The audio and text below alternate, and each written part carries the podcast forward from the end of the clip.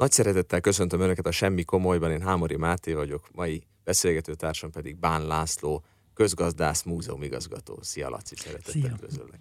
Azért mondtam, hogy közgazdász, mert rólad elsősorban az jut az ember eszébe, hogy múzeumigazgató és nagyon sok minden más.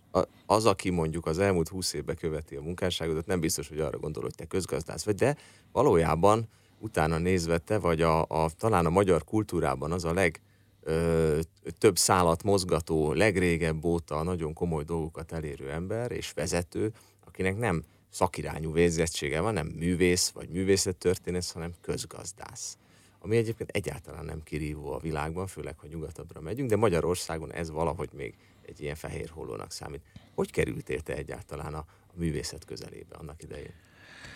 Már mm, gyerekkoromban is, leginkább a történelem volt a legelső nagy szerelem, ami nem is múlt el, tehát az megvan a mai napig, és akkor emellett elkezdett érdeklődni, érdekelni a művészet története is, de ezt nem tanultam soha, mint a történelmet sem. Annak idején én OKTV második lettem az országos tanulmányi versenyen, és akkor így viszonylag könnyű utam volt egyetem, de hogy milyen egyetemen menjek, én Érdekelt a történelmi is, érdekelt a magyar is, jó volt a matekból, és akkor középiskolában elmentem a kedvenc általános iskolai tanáromhoz, matek tanáromhoz, és azt mondta, fiam, menj el közgázra, az biztos lesz kenyered, és amellett azt tanulsz, csinálsz, amit akarsz. Tehát nyugodtan összeegyeztethető ez a kettő. Meg is fogadtam, fölvettek a közgázra, de mellette már én elkezdtem egy év múlva a filozófia szakot is, tehát én a két egyetemet végeztem egymás mellett párhuzamosan. Tehát ez a humán és reál beállítottság, ha ilyen nagyon egyszerűen akar mondani, ez végig elkísért. És aztán, mikor elke, én egy tudományos kutatóintézetben kezdtem el dolgozni, a Társadalomtudományi Intézetben, és aztán, mikor jött a rendszerváltás, akkor engem megválasztottak a fővárosi közgyűlés tagjának, és ott a Kultúrás Bizottság elnök lettem, és ott az, az első ilyen hivatalos találkozásom közöm a, a kulturális élettel. Budapest ugye erre nem rossz terep, hiszen az országban mégiscsak itt a legintenzívebb a kultúrás élet, nem csak az országban, európai rangú kultúrás élet van Budapesten. És attól kezdve gyakorlatilag folyamatosan valamilyen formában kultúrás bizottság, aztán a fővárosi kultúrás biztos 98 egy új kultúrás minisztériumnak az előkészítése önálló, ugye addig hosszú évtizedekig, mint ahogy most is egyébként, és szerintem továbbra sem tartom a legjobb modellnek, sokkal jobbnak azt, hogy önálló kulturális minisztérium működjön, bár mostani az a kulturális és innovációsban azért jobban a helyére került, mint korábban. És ott kezdtem el dolgozni, és akkor 2004-ben volt egy, pontosan akkor, igen, akkor volt egy pályázat, akkor a szépművészeti igazgatói posztjára. Én korábban a Minisztériumban tehát tulajdonképpen elértem azt, ami ebben a szakmában, most a közigazgatásban, elérhető én közigazgatási államtitkár és voltam a, minisztériumban, és akkor már végig gondoltam, akkor 30-as éveim végén voltam, hogy ha rajtam múlna semmi más, az persze nyilván így nincs a, a, a közigazgatásban, de így volna is, hogyha innét mehetnék nyugdíjba, ezt szeretném-e, és akkor mondtam, hogy nem, ez most itt szuper volt, és szerettem is csinálni, de de akkor valami más csinálnék, és akkor már nagyon régóta ott élődött bennem, hogy és kimondta a Szép Művészeti Múzeum, tehát egy lehetősége, messze lehetőségei alatt működő intézménynek láttam, az is volt, mindenféle mutató szerint, még a magyar dobogóra sem fér föl, nem, hogy nemzetközileg jegyezték volna a múzeum kiállításait. Az anyagát a szakemberek ismerték, de amúgy viszonylag ismeretlen volt az Európai Múzeumban járok körében, és akkor azt gondoltam, hogy ez egy izgalmas feladat és kihívás lesz és lehet, hogy ebből tényleg mint egy fölébreszteni a Csipke Rózsika álmából tulajdonképpen ezt a nagyszerű intézményt, és azt gondolom az elmúlt most már tényleg közel 20 évben sikerült is. Abszolút, ez a, ugye, ahogy elmondtad most röviden dióéba az élettörténetedet eddig, mert azért még valljuk be, hogy még egy fiatal ember vagy, hogy 61 vagy, ha, ha szabad Igen. ezt elmondani. Ez mindig, ez mindig nézőpont kérdés. Hát nézd, most ha megnézzük azt, hogy az emberek mennyi ideig élnek, és mennyi ideig aktívak most már, ugye a görögöknél is még bizonyos posztokat 60 év alatt nem lehetett betölteni, tehát még, még akkor is figyáztak erre. És neked egy nagyon gyors karriered volt, ahogy mondtad is a közigazgatásban, abszolút reneszánsz emberként indult, tehát az, hogy valaki a közgázra és filozófia szakra járjon, azért nem hiszem, hogy általános finoman szólva. Nem, nem volt. Eléggé elvágólagos az emberek érdeklődése, hogy vagy ez, vagy az. És ilyen természetességgel mondtad, hogy hát egy ilyen, ilyen reál humán érdeklődésű uh-huh. ember voltál És hogy ebből tulajdonképpen az lett, hogy 2004-ben ott megálltál a történetben, de hát igazából a, a te ismertséged és, a, és a, a, szabad azt mondanom, a, a karrier virágzásod az utána indult el igazából, amikor a Szépművészeti Múzeumból tényleg a, hát lehet mondani, hogy a világ egyik vezető múzeumát sikerült csinálnod. Persze mi magyarok hajlamosak vagyunk mindenre, amit mit csinálunk, azt mondani, hogy ez a világban kiemelkedő, és, és, és nem tudom, ez, ez benne van a topban, és, és itt Magyarországon rendkívül sok minden világhírű, nem, vannak azért eh, eh, objektív mutatók, én soha nem mondtam, és nem is mondanám, hogy a világ egyik vezető múzeuma lett, és lesz, tulajdonképpen lehet bármikor színű. Bizonyos pontokon lehet, tehát eh, például ez az évében, ha most itt a jelenbe ugrunk egy picit, ebben az évszázadban biztos nem volt a világ egyetlen múzeumban sem ilyen év, mint ami nekünk. Hogyha most egy évadot tekintek tavaly ősztől mostanáig, ugye Cezántól Malevicsig, aztán Hieronymus Bosch kiállítás, Matisse és most az El Greco életmű kiállítások, tehát négy ekkora uh, géniusznak a, fe, a művészet történetéből egy évben egyszerre életmű kiállítása nem volt én a, ebben az évszázadban sehol, és azt gondolom, hogy talán egyszer vagy kétszer előfordult a világ lenni múzeumban is. Tehát ez most valóban egy különleges csillagóra. De a szépművészeti gyűjteménye az Szentpétervár és Bécs között, a két egykori birodalmi főváros között, ahol jelentős, ugye kiemelkedő valóban világ színvonal és hírű művészeti gyűjtemények vannak, az Ermitage és a Konszisztó, és ez múzeum jelzi ezt. Tehát mi e közötti térségben a mi gyűjteményünk a legerősebb. Ennek is történelmi okai vannak, hiszen nem voltak független államok ebben a térségben a két nagy birodalom között, de Magyarország a monarchiában a kiegyezés után az egy totális belső önállóságot évet, és akkor jöttek létre a nagy nemzeti intézményünk, között, többek között a szép művészet is, az ezt, állam megvett az Eszterházi gyűjteményt, Istenem, az ilyen vásárlások lehetnének megint. Tehát, és még vehetett volna sokkal több, mint is a Nemes Marcem gyűjteményét annak idején megveszik. Bizony, az lett volna. Nagy elődött, Petrovics Elek, azt hiszem neki kínálta föl Nemes Marca, hiszen abban az időszakban ő volt a szépművészeti igazgatója. Akkor még nem, akkor még nem, 14-től lett, és 13, 11-12-es az a történet, amiről, amiről most utalsz. Tehát ő még volt. előtte volt. Az az erős gyanúm, hogyha Petrovics Elek van, akkor talán nagyobb eséllyel ez megtörtént volna, és egy kicsit, szóval egy magasabb polcon lenne a gyűjteményünk. Igen, amiről beszélünk, nem biztos, hogy mindenki Igen. tudja, hogy Magyarország nem csak a, a valóban megtartott kincseknek, mert lehet azt mondani, 10 milliós országban azért ez a gyűjtemény, ami itt nálunk van, azért ez egy elég erős gyűjtemény. Én sok párhuzamot érzek mindig, és tulajdonképpen ezért is hívtalak meg ebben a műsorban a zeneművészetünk, és, és mondjuk a, a vizuális művészetünknek a helyzetek között. A problémái is hasonlóak, az öröksége is bizonyos értelemben hasonló, bár azért azt el lehet mondani, hogy talán zeneművészetünk alkotói között több egyértelműen világhírű van, mint a képzőművészek között, de erről majd később visszatérünk.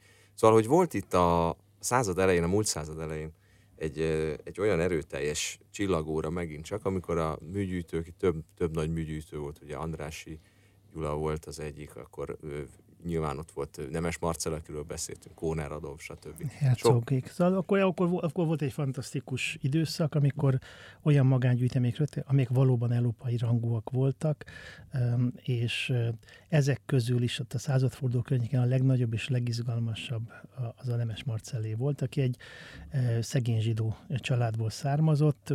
Azóta se tudja pontosan senki igazán, hogy végül is miből szerezte azt a pénzt, amivel aztán neki látott a műgyűjteni, és nem csak gyűjtött, adott is, el, adott is, vett, vett is, tehát kereskedett is, nem, nem teljesen műkereskedő volt, de a lényeg az, hogy fantasztikus műgyűjtemények, és hát ugye, amit mondtam, miután azért nem volt egy nagyon stabil pénzügyi háttere, 910-es évek legelején pénzügyi zavarba került, és el kellett adni a műgyűjteményt. Hozzáteszem, az Eszterháziak is ugyanebben a problémába kerültek 1870-ben, amikor a magyar állam megvette tőlük, tehát hasonló volt a fölállás, csak, és ugyanúgy volt, hogy Párizsba viszik el aukcióra, de azt mondom, sikerült 700 régi mesterképet, 4000 rajzot és 40 ezer metszetet meg. Ez a mai szép mű alapja.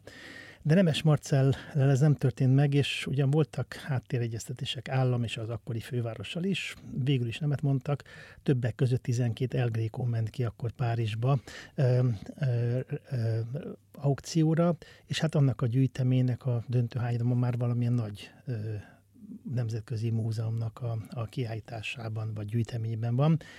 De az időről lehet még találni Nemes Marcel gyűjteményű képeket, és ességet most is egyet visszaszerezni.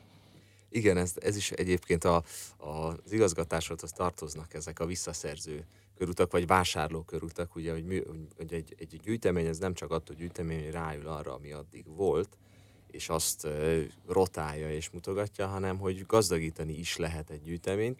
Ugye ez egy picit ilyen új élmény volt külső szemlélők, hogy egy ilyen szegény, viszonylag szegény ország, Magyarország ilyen iszonyatos összegeket költ, költhet műalkotásokra. Miközben, amit ugye említettél, az egésznek az alapja az Eszterházi gyűjtemény megvásárlása, és abban az időszakban egyébként a folyamatos műtárgyvásárlás, mert azért ez nem egy egyszeri alkalom volt, hanem a, mondjuk a századforduló környékén nagyon komoly energiaforrást áldoztak arra, hogy itt országos szintű, tehát közgyűjtemények létrejöhessenek, és itt nem csak a jéghegy csúcsáról beszélünk, hanem a kisebb gyűjteményekről, és rengeteg adomány is volt. Most csak ha Nemes Marcel szóba jött, hogy a Kecskemény, Kecskeméti képtárnak azt hiszem a teljes anyagát, Igen. A, az alapító, az alapító anyagát. anyagát, azt Nemes Marcel adományozta. Igen. És az adomány hihetetlen fontos volt, ő is arisztokraták, püspökök, tehát fantasztikus. Ma csak a szépmű gyűjteményében ez egy kiemelkedő helye van ezeknek az egykori adományoknak. Nemes Marcelről, ha beszélünk, hogy a egyik leg, sőt a leghíresebb, legfontosabb El Greco képünk, a Bűnbánó Mária Magdolna, az egy, az egy 1921-es adománya neki, sőt, ő leg, legelőször eladott a szépműnek egy képet, és aztán később azt visszafizette, hogy nem maradjon egy olyan kép sem, ami adományként került volna őtől a, a gyűjteményünkbe. De hát mondom, nagyon ö, ö, gazdag volt ez az adományozói ö, kör, vagy az, a, az a, amit megkaptunk, az az anyag, és ez az, ami ma még, tehát az állam elkezdett ismét né, néhány olyan művet olyan léptékben vásárol, mint annak idején. Egy fantasztikus Van egy fantasztikus Renoir az elmúlt ö, évekből, nagyon komoly létbe, ezek milliárdos tételek voltak, hiszen ma már a műkincspiac sajnos, ha összehasonlítjuk, sokkal drágábban lehet is, ö, ö, jelentős műtárgyat szerezni, mint száz évvel ezelőtt. Akkor se volt olcsó, de arányait tekintve ma már ez egy drágább mulatság. De egyre még hiányzik az a, az a az a polgári réteg, amelyik úgy gondolja, hogy kötelessége gyarapítani a közt ilyen módon is, ilyen típusú adományokkal meglátjuk, jelentős magángyűjtemények alakultak, alakulnak ki Magyarországon az elmúlt néhány évtizedben. Remélem, hogy ezeknek is az útja előbb-utóbb majd valamilyen közgyűjteménybe talál valamilyen formában. Igen, ez egy nagyon érdekes kérdés, hogy ugye miből táplálkozik, és hogy mi is a múzeum.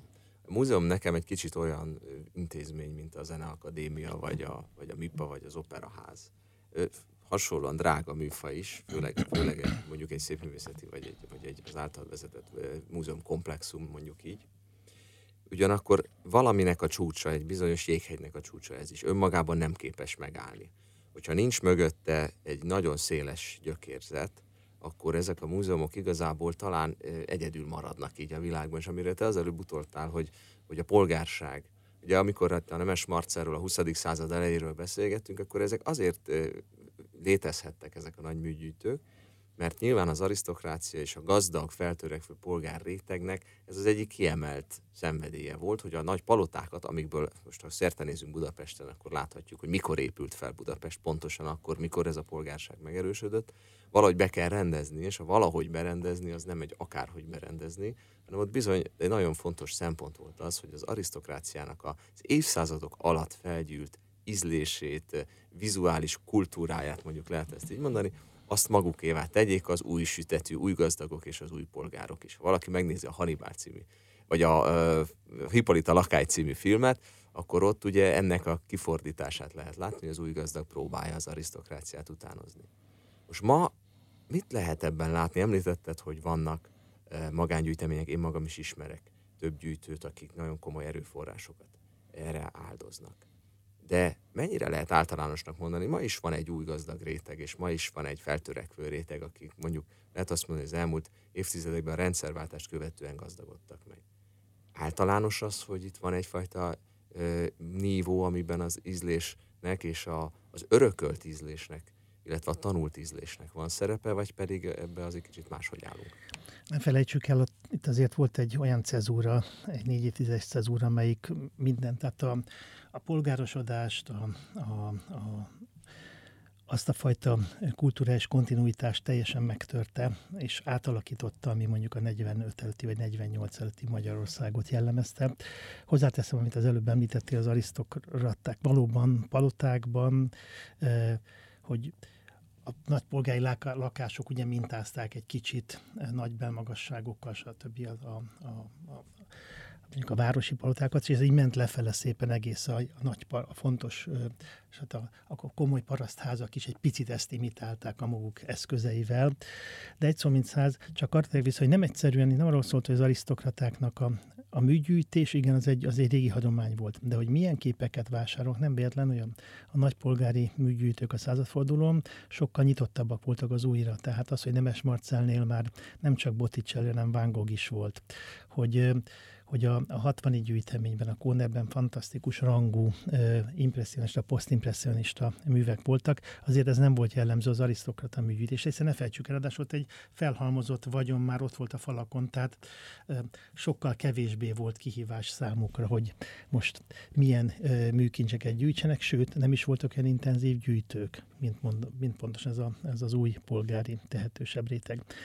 Nálunk ez, ö, hát ö, Mondjuk a rendszerváltás után első két évtizedben nem volt különösebben jellemző, hogy komoly, persze természetesen alakult néhány magángyűjtemény, de azért ez nem volt egy széles körűen bevett szokás, és önmagában a kortás gyűjtés is az elmúlt talán egy évtizedben, amikor egyre erőteljesebbé vált, itt még mindig nagyon súlyos lemaradásaink vannak nem is föltétlenül a nyugati, Európa nyugati felé, hanem akár a környező országokhoz képest is. Ez egy nagyon speciális és nem igazán jó helyzet, amiben a kortás képzőművészet jelen pillanatban van, de van, van hova legalább eljutni, tehát van, tehát nehéz pozícióból indul, sokkal az összes többi művészeti ághoz képest a kortás képzőművészetnek a az elfogadottság, a látogatás, a kortás műgyűjtés, magyar e, művészek nemzetközi elfogadottsága, magyar műkincsek, magyar kortás művészet piacjára, ez mind-mind, itt van egy ilyen furcsa e, bezuhanás a térképen, ha megnézzük ezt, mondom, akár most mondom nem Bécshez vagy Ausztriához hasonlítom, hanem e, Horvátország, Lengyelország, Románia, e, Szlovénia de egy szó mint száz, most elindult valami, az látható, tehát érzékelhető, hogy egyre jelentősebb valóban a, a, a, az új tehetősebb polgáritegnek az érdeklődés, és ebben már generációs váltás is van, hiszen az a réteg, amelyik a rendszerváltás környékén megalapozta az új családi vagyonokat, azoknak ma már a fiai, lányai kerülnek a következő generáció, akár a cégeknek a birtokába, vagy olyan lehetőségek birtokába, hogy valóban komoly eszközök fölött, pénzügyi eszközök fölött rendelkeznek, és elindult egy, egy határozott érdeklődés, és ez látszik a, a hazai műkincspiaci árakon is. Tehát vélhetően ez a folyamat, ha még több oldalú segítséget kap, ez ugye a magyar kortás művész elfogadottságában általában a, a képzőművészeti széna irányában jótékony hatású lesz, de még mindig riasztóak a számok. Tehát egy, egy most ne, ne a Boschhoz vagy a Grékohoz nyúljunk, mert hál' Istennek kiemelkedő számok, itt az, amit mondtam, ezek a nagy kiáltások, ugye van Budapesten 100 ezer fölötti látogató, 50 ezer fölött az egy nagyon jól látogatott kiállításnak minősül 100 ezer fölött kiemelkedő és azt emeltünk följebb a 150-200 ezeres régiókba, de ez gyakorlatilag a Szépművészeti Múzeum teljesíti az elmúlt évek során, nagyon kevés más múzeum tudta ezt hozni, és mondom, a kortás pedig Sajnos a kortás kiáltók látogatottsága az néhány ezer főre tehető. Ha nagyon sikeres, akkor talán tízezer fölé megy. Ez érezhetően azért messze van még az átütő sikertől. Van, van hova még lépnünk ebben előre. Igen, és egyébként az előbb beszéltél, az előbb említetted a kortársnak és a, és a réginek a viszonyát, a, ami a népszerűséget illeti, teljesen tudok azonosulni a helyzettel, a zenében ugyanez van nálunk is, amikor én kitűzök egy kortárs bemutatót, ugye nagyon sokan csinálják, hogy csak kortársat raknak egymás mellé, akkor az, az egy teljes öngyilkos gondolat, ugyanis ennek a nagyon szűk rétegnek, akit mondjuk érdekel a csak a kortárs zene, a, a, ha csak szeretném, hogy csak ők jöjjenek, akkor jó, de hogyha szeretném esetleg megmutatni annak, aki, aki tudja, hogy Mozartot szereti, de fogalma nincs, hogy mondjuk akár Sostakovicsot szereti, ő már rég nem kortárs, de hát bizonyos értelemben ide tartozik, annak egymás mellékelőket raktam egy, egy koncerten, úgyhogy még éppen döntsön amellett, hogy megveszi a jegyet. Ez nagyon jól, jól teszed, és ezt a kis trükköt, ami azt gondolom, teljesen edukatív, tehát nagyon, és azt gondolom hasznos is. Tehát a, és valóban azért lássuk, hogy a kortáshoz képest Hosszákovics Bartók már messze nem kortás, de valóban eh, valóban lehet, de, de tény, ettől függetlenül tény, hogy azért mégiscsak klasszikussá váltak egy széles, tehát itt azért lépcsőzetek vannak lefele vagy fölfele a látogatószámokban nyilván, most a teljesen kortáshoz viszonyítva, és de ezt a, ezt a kicsi fogást mi is megszoktuk, hogy amikor például külföldre megyünk, ki a Szépművészet és a Nemzeti Galéria, mondjuk Szépművészeti Múzeum főműveivel, highlightjaival, akkor legtöbbször mindig becsomagolunk mellé egy kis magyar anyagot is. Tehát ugye azért biztos nem dőlnének be a látogatók, hogyha mondjuk a magyar művészeink legjavát, annak a neveit rakjuk, hiszen valóban nem szemben, amit az előbb egy fél mondat említettél, hogy a zenekultúránk azért az jóval ismertebb, és a, a nagy zeneszerzőink azért a legnagyobbak, azok világhírűek és tartósan azok és ebben a kortás zeneszerzőink is ott vannak, a nagy magyar zeneszerzők. A képzőművészetben ez nincs így, tehát ott nekünk a szépművészeti kiemelkedői, kiemelkedő Kranach, Gréko,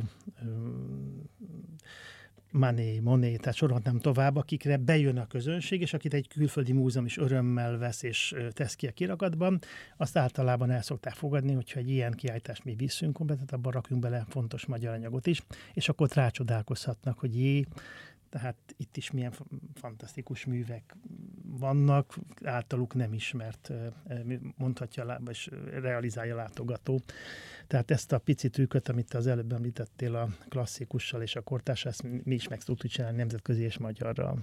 Ez, ez nagyon jó. De, és mi a, kér, mi a helyzet az itthoniakkal? Mert én láttam a, a Kunsthistorisches Múzeum, aki ugye bizonyos értelemben nagyon pandantja a mi szépművészetinknek, még egyébként a gyűjteményének a jellege is azért sok, sok esetben hasonló, igaz, hogy ott mondjuk több bröghel van, meg tudom én, vannak bizonyos hát az erősségei. Az a császár gyűjtemény, lássuk Igen, be, tehát azért ez, a, amit mondtam, az egy kicsit igen. más, más, hogy valaki mondjuk 400 évig egy világbirodalom uralkodója egy család, az más a gyűjtési potenciálja. Igen, nyilvánvaló, oda, azért a, a tejfölt oda, vagy a tejszínt oda, oda vitték, de de ezzel együtt ott például találkoztam olyannal is, hogy nem csak az Albertinában, ahol egyébként ugye mindig benyomják az osztrák művészetet is, amellett, hogy a 20. századi nemzetközi gyűjteményük is elég erős, mindig van valami osztrák vonal, de magában a nagy Kunsthistorisesben is a régi gyűjteménybe időnként becsempésznek egy-egy kortárs alkotást, teljesen váratlanul, ami egyébként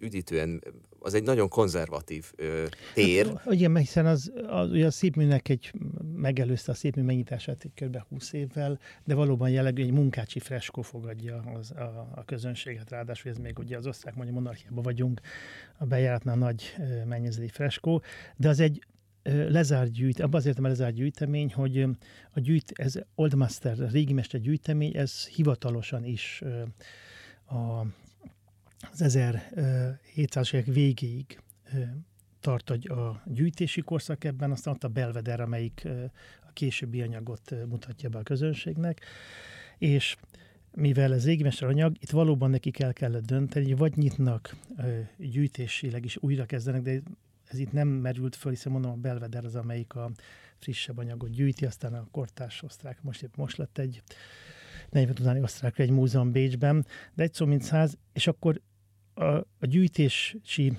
plafon újranyitása helyett ez gyakori, hogy akár egyes kiállításokon, vagy egyes kurátoroknak a szempontrendszere szerint, vagy akár, hát ez nem véletlenszerű, nyilván van mögött a kurátori gondolat, tehát kortársat valamilyen analógiával bevisznek a házba. Nekünk azért nincs erre, tehát olyan szükség, ilyen égető, mint a konszisztó, és ezben nincs, hiszen a szépműnek nem állt le a gyűjtési korszakhatára, sőt a szépműben is előfordul messze, hogy régi mestereken túl csinankétásokat, nagy kortás klasszikus művel, egy a német például az Ükkernek ott volt kiértése a Cezanne alatt. Tehát az, hogy egy, én ebben nem konzervatívabb vagyok, inkább óvatos, nem szeretem a lárpurlár hogy valamivel rázzuk fel a közönségünket a sok Tiziano és Bruegel mellett, hát akkor tegyünk be még némi kortásat is, meg hát ez most olyan trendi. Van, amikor igazolható és igazolt, és, és valóban van fantasztikus, sőt a, a mester által vallott kötődése a régi mesterek világához. Lesz most éppen a grafikai terünket most újítjuk föl kiállító térként, és a nyitó kiállítás az Bazelic, ugye, aki egyik, volt is kiállítása a Nemzeti Galériában, életmű kiállítása először nálunk a volt szociális ország közül, mert be nem tette a lábát, egyetlen volt kommunista országban sem, sikerült meggyőzni Budapestre jöjjön. De egy, egy Bazelic és egy Schiavone, aki egy ö, ö, itáliai ö, grafika mester volt, és az ő grafikai anyagát, régi mester természetesen, reneszánsz, lesz összetépve. A Bazelisnek erős érdeklődés és köze van hozzá. Tehát nagyon boldog most, mikor mondtuk, hogy ezzel elvözjük megnyitni. Tehát amikor van valós köz, vagy mélyebb tartalmi köz, akkor én is örömmel vagyok erre nyitott, de ebben van azért egy ilyen kicsit, mondom, ilyen trendi mai viselkedés. Igen, azt nyilván van különbség, az ember a Bécsi múzeumokat végigjárja, tehát sok minden ott, hogy mondjam, ilyen vigyázó szemünket nyugatabbra vessük típusú dolgok vannak, ami, amiben van jó, és van olyan is, ami nem átgondolt, de én is azt gondolom, hogy az újnak és a réginek van kapcsolódása, és én is, én most úgy rendeltem új műveket, például hogy a Beethoven 6. szimfonia mellé rendeltem Balog Mátétól egy, egy pár darabot. Természetesen teljesen szabad volt a témaválasztás, uh-huh. de valahogy kapcsolódnia kellett. Megfordította a tételek sorrendjét, és elrejtett benne kapcsolatokat. Tehát, hogy egy teljesen új művet hallotta a közönség, amiben még a Tuda is megszólalt, de, de mégis kapcsolódott a Beethovenhez tehát ezeknek így talán könnyebb egyébként, mert van fogódzója annak, aki bejön és beethoven akar hallgatni, van fogódzója az újhoz. Talán a régi mesterekkel segítünk az új, új mestereknek, akik, akiknek tényleg van ilyen kapcsolat, hogy eltaláljanak a közönséghez. De visszatérve picit a nagyon fontos kérdés, hogy mi van a szobában a falon. Ugye beszéltünk itt a régi dolgokról, beszéltünk arról, bemegyünk a szépművészeti, ami gyönyörűen megújult, és tényleg egy, egy ilyen példás múzeum, fantasztikus kiállításokkal, nagyszerű kurátorokkal, az egész dolog rendben van. De amikor bemegy valaki a szépművészetibe, van-e ott kapcsolódás szerinted, vagy akár a, a, egy modern múzeumban, akár a Ludwig múzeumban, vagy a galériában? Van-e ott kapcsolódás a között, ami a saját élettere, a saját vizuális tere, és, és amit ott lát? Mi, van-e szerepe a múzeumnak abban, hogy az embereknek az életterét valamilyen módon, hogy mondjam, meghatározza, hogy valamilyen fogódzót adjon hozzá, vagy inspirációt adjon, vagy ez egy teljesen levált dolog arról, hogy mi egyébként milyen vizuális mindennapokat élünk otthon. Persze, hogy van a, ugye, a kultúra az kontinús, a zenekultúra is, a képzőművészet is, és az egész kultúra együtt, egészet, egy fantasztikus, egymásba fonódó, különleges szövet. Tehát a, ha a régi mesterek, mondjuk a súlypontja a szép műnek éppen, de nem csak az most, Hantai Simon, ugye, aki talán a legismertebb, a Mohli nagyot kivesszük a képből, aki nem pusztán képzőművész volt, hanem nagyon sokféle... És aki ismertebb külföldön, igen, mint itthon van, egyébként. Így van, de mind, mind a kettőre igaz egyébként. Még a Móli nagy azért a egyetemokán talán már itt, itthon se cseng ismeretlenül a szélesebb körökben, a művészetszertők körében biztosan nem. Tehát, hogy ő a, most már a csak egy példa, a, a Macron a francia elnök, minden francia elnök általában választ egy képet magának a dolgozószobájába, egy, egy hantait választotta Pompidouból, egy, egy nagyon nagy léptékű mértű hantait, és azon a dolgozószobájában.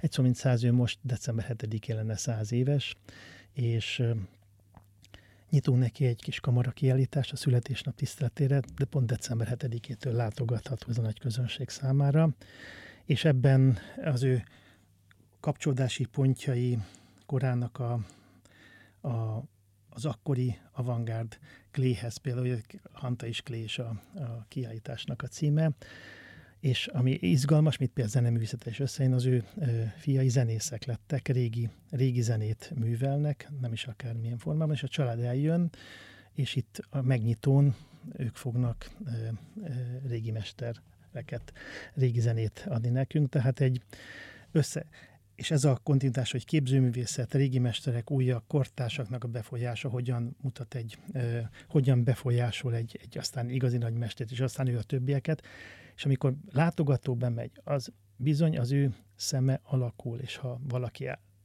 múzeumban járó ember lesz, és szeret múzeumba járni, az az élmény, amit ő kap, és ez mindegy, a kvalitás számít. Tehát, hogy érzékeli ezt, hogy valami jó vagy rossz, szeretheti ő inkább a régit, vagy a jót, de ugyanez van nyilván a koncertlátogatónál is, akinek van füle, hozzáhallás, az, az azért, ha, ha vezetik és segítenek neki, nyilván, és még ha szokatlan is, az újra is sokkal fogékonyabb lesz.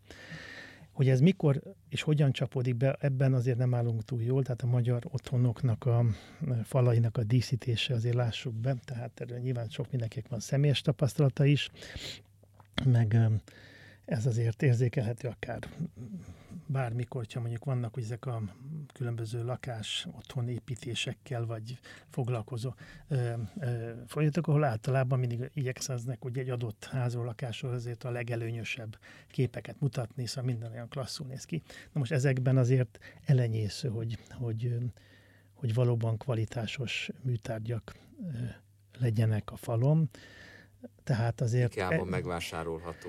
Vagy semmi, vagy semmi, vagy, vagy, vagy, vagy kevésbé jelentős. Mondom, mostanában azért elkezdődik a kortásnak valamilyen térnyerése, tehát ez érezhető a, mondom, a műtárgyak piaci forgalmán is, már ezeken a képeken is feltűnik olykor-olykor, de azért összességében még óriási a potenciál ezen a téren, és lesz is, előbb-utóbb lesz egy robbanás, amikor ez elkezd terjedni, de azért nem állunk túl jól azért is forszírozom ezt a, a kortárs kérdést, mert ugye miből tud festeni, a fe, mit lát a festő, amit le tud festeni, és mit uh, tud lefesteni, amit lát, ugye ide-oda, de mikor tud festeni a festő, akkor tud festeni, amikor van megrendelése. Ugye azért is volt fontos a műgyűjtés, nem csak azért, hogy a Szépművészeti Múzeum aztán meg tudja vásárolni, vagy adományban meg tudja kapni ezeket a gyűjteményeket, mert ezek a gyűjtők és maga a gyűjtés folyamata, maga a felhasználás helye a műtárnak tette lehetővé azt, hogy mondjuk a 20. század elején ilyen hihetetlen gazdag. Nem értjük ma, hogy hogy, hogy létezik, ha csak a magyar művészetet nézzük meg, hogy ott egy mondjuk 40 év ves időablakot nézünk, hogy, hogy a, gyakorlatilag a Magyar a Nemzeti Galéria gyűjteményének a legjava az egy 40 éves időszakból származik, most nagyon sarkítok. Hogy, hogy létezik ez? Valószínűleg nem csak az történt, hogy ott becsapódott valami tehetségmeteorita e, Európa fölött, és mindenki meg, megtanult fantasztikusan festeni, hanem valószínűleg voltak, e, volt piac, ahol el tudták adni a képeiket. És ma ugye ez ugyanolyan fontos, a zenében legalábbis én nekem mindig az a félelmem, ha csak a régi zene marad, és csak Mozart és Beethoven, akinek az értéken nem megkérdőjelezhető, mint hogy egy Tizianónak az örökérvényűsége nem megkérdőjelezhető, de ha csak ez marad, akkor az a fajta élő, amit te is említettél, élő kapcsolat és élő kapcsolódás az emberekhez, az emberek mindennapi életéhez eltűnik, mert mégiscsak a mi életünkről a mi zeneszerzőink tudnak írni, és a mi életünket a mi festőink és szobrászaink tudják megalkotni. Tehát a, ami, amit említettél, a műtárgypiac, ez megint csak a jéghegy csúcsa, hiszen arról van szó, hogy most Kondor Bélának a műtűcsök felbocsátása című kép, ez egy új dolog, az ugye 120 millióért kelt, ez most azt hiszem az idei rekord. Egyébként is mondjuk a magyar rekord az a Csontvárinak a boldog, vagy a rejtélyes sziget, azt hiszem ez a címe, a festmények, az 460 millió forint volt. Ugye, és ha nem, ezt... A műkincs nem is föltétlenül a tetej érdekes, hanem az, hogy valóban, amit mondta, hogy mennyire kelnek el, e, és itt nyugodtan a kortás galériák felé Igen, nyithatunk. Tehát, hogy, hogy 50 ezerért, 100 ezerért, 500 ezerért lehetek műtárgyat kapni, van, van-e a, azoknak az alkotóknak, akiket nem a szépművészeti fog megvásárolni, piaca, és ott a kvalitásos alkotóknak mi az aránya, mert ez is egy fontos a, kérdés. Ez egy abszolút izgalmas és helyes, amit mondasz. Az első igazi nagy felfutása a, a képek piacának, az ugye egyfelől Itáliában volt tapasztalható, ahol, ahol a reneszánsz alatt, amikor ott is kialakult megint most egy olyan polgári réteg, aki maga is vásárolt, nem csak a, az előkelő, ö, ö, tehát nem csak az egyház, nem csak a, a, a mondjuk az arisztokraták, hanem valami nagyon széles polgári kereskedő réteg. De ez leginkább nyilvánvaló, mondom, ez a litári reneszánsz volt az egyik ilyen robbanás, a másik aztán sokkal nyilvánvalóbban, vagy sokkal szembetűnőbben, az pedig ugye Hollandiában, tehát a, amikor ugye egy nagyon erős ö, polgári öntudatú ország évtizeken keresztül küzdött a függetlenség spanyolokkal szemben, és ez alatt a nyolc évtizedes háborúzás alatt pedig egy, az volt a, ugye az aranykor, holland uh, arany évszázad, amikor mai számítások szerint körülbelül 5 millió mű született, és a számát se tudni pontosan, talán 5000 alkotó körül becsülik a számát, akik ténylegesen festőként éltek, és ott, ott a legkisebb, az utolsó cipészműhelyben is, ben is vett magának, és tudott venni képet a kortárs mesterektől. Tehát egy óriási kereslet volt, mert ez teljesen evidens volt, hogyha valami saját tulajdonú akár legkisebb lakáskája is van, abba kell a falra egy kép, és meg is tudta venni azon az árfekvés, ami is meg, persze megvették a, persze a Rembrandtokat, Livens is, a legdrábbábbakat is, a, de mindenkinek jutott. És fantasztikus általános kvalitás jött létre, hiszen ezek fenntartottak akkor festőcéheket, tulajdonképpen ez, az, ez a piac, és az egész uh, organizmus, és hogy odaállni, beállni, tanulni, festeni. Ugye itt kezdő még az elején a döntés, hogy valaki fiatal vállalja ezt a pályát, vagy sem. Hogy aztán milyen tehetségé válik, az nagyon sok minden múlik. Ez nem olyan pálya, hogy a legelején fog zseniálisan festeni. Ha valaki elmegy a grékó kiállításra, pont ezt látja, hogy miből mi lett, hogyha ahogy Kandiában ugye Krétán marad, és abban a e, stílusban, azon a módon festett volna, de végig azt se tudnánk, hogy létezett de utána elment Velencébe, a, a világ akkori egyik legizgalmasabb és legfontosabb, ugye kulturálisan legvonzóbb városába, akkor még a Tiziano van, Tintoretto Veronese, tőlük tanul, akkor is, és azt, az húzza föl, hogy zsenis tehetséget csak úgy bontakozhatott ki, meg is tanulta azt. De ez egy létező pálya volt, tehát ebből meg lehetett élni, ide rá lehetett állni, és enélkül a kereslet nélkül, és azt kell mondani, tömeges kereslet nélkül, ahogy mondod, nem jött volna létre a századfordulóban, a környékén sem valószínűleg az a magyar művészeti szcéna. Beszéltünk a keresletről és arról, hogy mi hozza létre a kortárs művészetet, és ugye a mai korszakra levetítjük, valóban azt lehet látni, hogy nem képeket vesznek az emberek, ami talán meg tud maradni az építészet, mert egyelőre még ugye épített épületekben élünk, tehát az most pont az általad vezetett Liget projekt az egy remek játszótere annak, hogy a, a modern és a kortárs építészet hogy tudja a, a funkcionalitást és a művészetet A zeneháza kiváló példa rá. A zeneháza is egy kiváló példa rá, tulajdonképpen a Néprajzi Múzeum is, tehát a most már elkészült épületek jól mutatják, hogy a, hogy amire szükség is van, vagy hát most ezt nyilván sokan vitatják, hogy van-e rá szükség, ez egy más kérdés, de mondjuk azt, hogy szükség van épületekre, és a művészet hogy tud találkozni. De amikor felhasználási tárgyakról beszélünk, amik, be, amik a gyűjteményben vannak, akkor ugye megint csak olyan tárgyakról beszélünk, amik valamilyen, lehet azt mondani, hogy ősi szempontból kultikus jelentőséggel bírnak. Tehát említetted a német alföldi festészet aranykorát, nyilván itt van egy divatfaktor is, de hogy miért vannak képek, és ugye miért, miért van például ugye nagyon sok barokk festményen lehet látni a, a letakarásnak a megfestését. Mm. Ugye nagyon sok festményt, ami olyan témájú volt, azt letakartak adott esetben.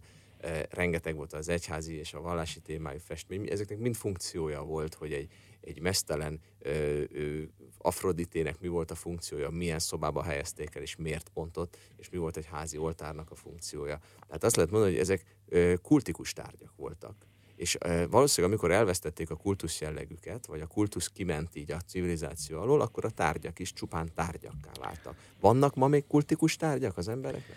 A, örülök, hogy behozta az építészetet is, és pont ezeket a kiemelkedő kortárs emevőket a zeneháza két héttel éppen a Bilbaoban volt a Guggenheim Múzeumban, melyik ugye a leghíresebb, leginkább ikonikus kortárs múzeum, az indította ezt az egész boomot, folyamatot, hogy egy különleges kvalitású épület önmagában vonzerő tud lenni, és ilyen éppen kultikus tárgy, tehát ez a nevet ikonikus, maga szó is a, ugye az ikonra utal, tehát olyan jelentőség, amely valamilyen uh, imádatnak a tárgya, és egy nagyon jelentős többlet vonzerővel bír, és többlettartalommal. A zeneháza pont ilyen lett. Most egy, a, egyik legfontosabb amerikai építészeti versenynek a fődíját nyert el Cannes-ban, még az év tavaszán 3000 ki, a világ legnagyobb ingatlan szakmai esemény 3000 kiállítóval, sok ezer projekttel, az összes közül a, a, leg, a, ő nyerte a zsűri fődíját, minden létező, és ez ugye ne felejtsük a Covid miatt, két évig nem volt, ez azt jelenti, hogy a 20-as évek legjobb épületének ö, ö, minősült. Tehát, és ezzel valóban ikonikus épületé vált, amely ráadásul szerethető és fantasztikus a tartalom. Ugye nem, nem csak az épület esztétikáját díjaz, díjazzák és díjazták, hanem a, a tartalommal, a, az, amit bemutat. Tehát a koncertek, az, a kiállítás az Magyar Zeneházam, az, hogy már közel egy millióan jártak ott, egyszerűen nem, nem programokra nem fértek volna be annyian, csak megnézni az épületet. Tehát az épület, az, ami körbevesz még az épületek, azok ugyanolyan ikonikus tárgyak tudnak lenni, vagy éppen romboló erejűek. Emlékszünk még a Spánót ház, amit lebontottak aztán a, a akkori Roosevelt téren. Tehát egy, egy rossz épület is hatással tud lenni, és azért a lakótelepeink nem büszkélkedhetnek a kiemelkedő kvalitásuk, nem csak nálunk sehol a világon az ilyen típusú épületek.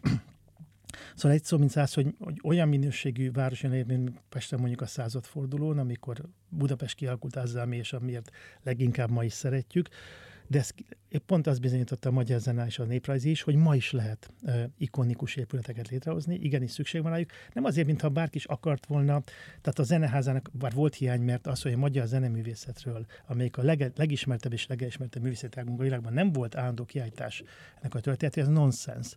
Ezt a nonsens úgy éltük meg, mint tényt, hát nem probléma. Százgon volt rá igény, de a zeneháza az is se volt igény, mert amit most csinál, az a világon egyedülálló, nem volt rá minta.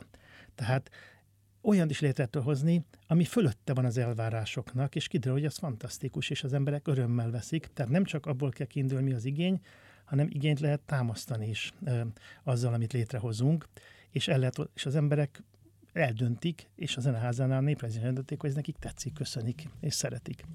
Az az érzésem, hogy ö, nagyon büszke vagy a zeneházára, és egy, az egyik kedvenc gyermeked most, ö, lehet ezt mondani, és talán azon gondolkodtam, hogy nem véletlenül, ugyanis ez az az épület, és pont ahogy elmondtad, hogy ilyen még nem volt, ahol végülis egy rendkívül konzervatív műfajban, hiszen a konzervár az a lényege annak, amit a múzeum csinál, hogy megőrzi az utókor számára a civilizáció és a kultúra csúcs teljesítményeit, hogy kik vagyunk mi, egy gyökérzet. Tehát egy rendkívül konzervatív műfajban bizonyítja azt, hogy az innovációnak nem csak hogy tere van, hanem valószínűleg a konzervativizmusnak is egyetlen működő módja az innováció. Ez igaz. Az, hogy élőn kell, ugye a mi feladatunk az, mert megőriz, az világos, az a, a tárgyat magát, vagy ami ránk van bízva, de ezt hogyan tartjuk meg élőn, hogyan marad párbeszédben az egymás követő generációkkal, főleg most, amikor úgy felgyorsult az idő, úgy felgyorsultak a változások, egészen más a kommunikációs közeg, mint akár csak 20 vagy 30 éve. Tehát az élőn megtartásban nekünk egy, mindig új és új nyelveket kell megtanulni, és ebben a zeneháza az egy fantasztikus vívmány, sehol a világon ezt felelősség állíthatjuk. Nincs ilyen típusú, például az a kiállítás, ami ott van, az a, az, az interaktív kiállítás, ami nem egyszerűen a magyar zene, hanem az európai zenetörténet hosszú útjába ágyazza bele a, a magyar zenetörténetnek a, a legkezdeti ismert ö, ö, Vakfark Bálintól, ugye ott kezdődik valamikor belép a magyar vonal a kiállításba, és aztán persze 20. században Kodály Bartók, stb. a legnagyobb, akik aztán a utána következő nagy generációk. Szóval egy szó, mint száz, egy olyan módon vezeti be, hogy hihetetlen izgalmas látni, hogy hazai és külföldi kicsi és nagy szakember és laikus egyáltalán szeret és megtalálja azt a léért, azt a réteget benne, ami ő hozzászól. Ez egy fantasztikus vívmány, ami létrejött, és az, hogy egy ilyen csodálatos épületben, ami szintén teljesen unikális, nincs benne öt derékszög, ezt a kollégák, mond, építők mondták, hogy az egész házban. Szerethették az építők szóval, nagyon. De, de büszkék voltak, és szerették. Én úgy mentem, minden, amikor mentem, ott ki volt söpörve a, a, a munkahelyen. Én nem láttam még magyar építkezést. Pedig magyarok építették? Magyarok építették. Japán tervezők, de magyar társ tehát volt magyar iroda is, és száz magyar mérnök, aki ezt az álmot aztán a valóságba forgatta be, hogy lehet megvalósítani. Ez Európa legnagyobb egybefüggő üveg felülete, például ez a vízszintes osztás nélküli üveg felülete, és így tovább üvegfalú koncertem, ami önmagában nonsensnek hangzik, de működik. A világ legjobb, akik a, a hamburgi Elbphilharmonit tervezték, az a japán cég csinálta itt is a akusztikát mondták Európában, ugye üvegfalú épület nincs, de higgyük el, hogy ez rendben lesz, és úgy is lett, sőt. Szóval egy szó, mint száz, itt egy olyan dolog jött létre, ami évtizedekre nem, nem egyszerűen lekövetünk valamit a világból, hanem most mi diktálhatunk valami trendet, rá olyan, ami szerethető. Tehát nem az a fajta modernizmus, ami csak nagyon kevés embernek szól, hanem egy nagyon szerethető, számtalan vidéki csoporttal találkozom, aki csak a házért jön föl, össze, egy busz bérelnek, feljönnek, és végigjárják, végigcsodálják, elmennek a kiáltásra, stb. És ezzel olyan impulzust kapnak, hogy igenis, a kortás építészet is, a kortás technikai megoldások is lehetnek. Annyira emberhez szólók, annyira, hogy átütik ezt, hogy nem csak a régi, megszokott lehet értékes és szép, hanem ma 2022-ben, mert 22-es az átás a Magyar Kultúrnapján történt, is lehet ö, olyan abszolút ö, ö, világszínvonalú kortásat létrehozni, és nekünk Magyarországon, ö, amely, amely az emberekhez közvetlenül elérés szerethető részükre, és bevezeti őket egy olyan világba, és másképpen, mint ahogy, ahogy a kultúrának a világában, amelyben azért jó időidőre megmerítkezni.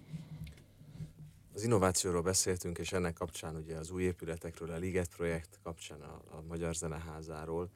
És az innováció tulajdonképpen az a fogalom, ami a múltat a jövőhöz köti, bizonyos értelemben a jövőről szól, és az innováció már a jövőnek szól. Amit talán leginkább a jövőnek szól, az az, hogy, hogy a mi most felnövő gyermekeink, a következő generáció, hogy fog ehhez az épített, és nem csak épített, hanem az épített örökségben elhelyezett, összegyűjtött, kulturális, vizuális, megfogható, tapintható tárgyi örökségünkhöz viszonyulni.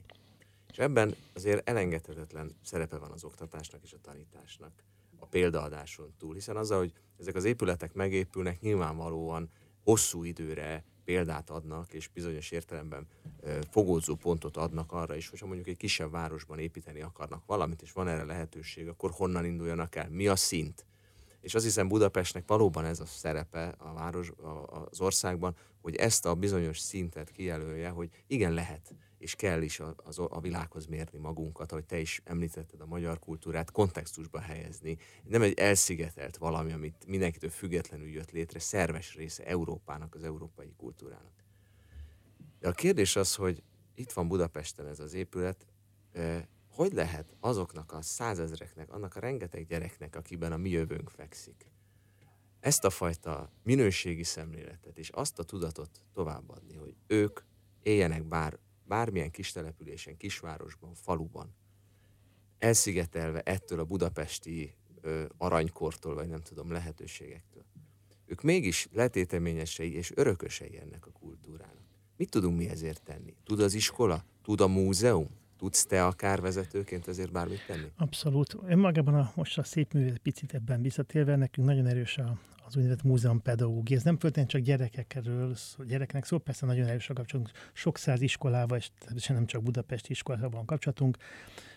Évente 60-70 ezer persze döntően gyerek és fiatal fordul meg azokon a foglalkozásokon, ahol nem egyszerűen látogatók, hanem bizonyos résztvevővé válnak, személyre szabott, korosztályra szabott foglalkozást kapnak, és nekem abszolút, tehát a kiváló a csapatunk, a múzeumpedagógusok, akik nagyon jó a visszajelzések, tehát szeretik, értik, és, és járnak vissza és vissza. Tehát bevezetni őket. A, vannak ugye programjaink, ami tanároknak szólnak kimondottan, hogy, hogy ők aztán hogyan adják tovább az oktatási rendszerben. Hát vannak olyan állami programok, akik segítenek, hogy hátrányosabb helyzetű térségből vagy hátrányosabb helyzetben élők eljuthassanak kultúrás intézményekbe, így többek között múzeumba is, vagy akár határon túlról. Magyarország nem túl nagy ország, nem lehetetlen, persze pénzbe kerül sajnos, főleg mondjuk egy szegényebb sorsú vidékről mondjuk egy buszt akár bérelni. Mondom, erre vannak hál' Istennek források, és rendszeresen is jönnek hozzánk. Tehát és akkor már fogad, akkor már többnyire mondom, egy múzeumpedagógiai foglalkozáson is fogadjuk őket, és hogyha ez rendszersé válik, akkor még valóban a hátrányosabb helyzetűségek, hátrányosabb helyzetű rétegek is olyanhoz jutnak, és rendszeresen, amelyik kinyitja a szemüket, a fülüket egy, egy, egy más típusú ö, látásmódhoz, meg világérzékeléshez, mint ami egyébként esetleg odahaza ö, az osztályrészük.